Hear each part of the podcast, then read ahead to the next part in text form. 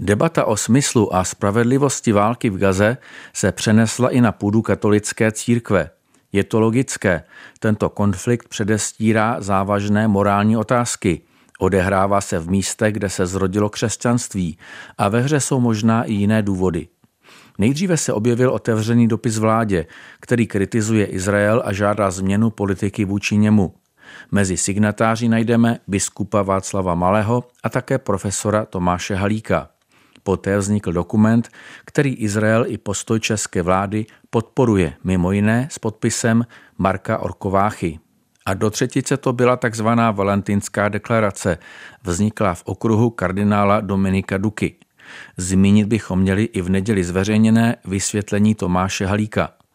Tato debata běží i jinde, například v televizních událostech komentářích spolu velmi přátelsky debatovali biskup Václav Malý a kněz Marek Orkovácha.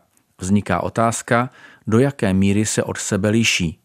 V jistém ohledu jde mluvit o dvou pojetích odpovědnosti. Václav Malý možná ani tolik nevyjádřil souhlas se vším, co v petici stálo o Izraeli, ale spíše dal najevo obavu o osud obyčejných lidí v Gaze. To je morální a velmi idealistické stanovisko. Mark Vácha namítl, co tedy má Izrael dělat v situaci, v níž se ocitl. To je stanovisko zdánlivě méně idealistické, protože připouští nutnost dopouštět se násilí. Je to ale také postoj v jistém smyslu odvážnější, protože čelí nepříjemné realitě, již se první typ postoje vyhýbá. K Izraeli kritickou deklaraci podepsal i profesor Halík, který soudě dle debaty na sociálních médiích čelil od některých svých příznivců velké kritice. Asi i proto reagoval dodatečným stanoviskem, v němž je možné cítit určitou dotčenost. Profesor Halík se snaží udržet rovnováhu mezi, jak uvádí, svou podporou Izraeli a kritikou současné izraelské vlády, v níž jsou zastoupeni extremisté. Staví se do role někoho, kdo schlíží na tamní konflikt jaksi z hora a nestraně, trochu jako rozhodčí. Potíž je, že si situaci převyprávil problematickým způsobem. Zvláštně už jen výběr faktů, například s odvoláním na Vatikán tvrdí, že v Gaze je 30 tisíc civilních obětí, což je ovšem ještě vyšší cifra, než uvádí samotný Hamás. Podobných posunů je celá řada a vždy v neprospěch Izraele.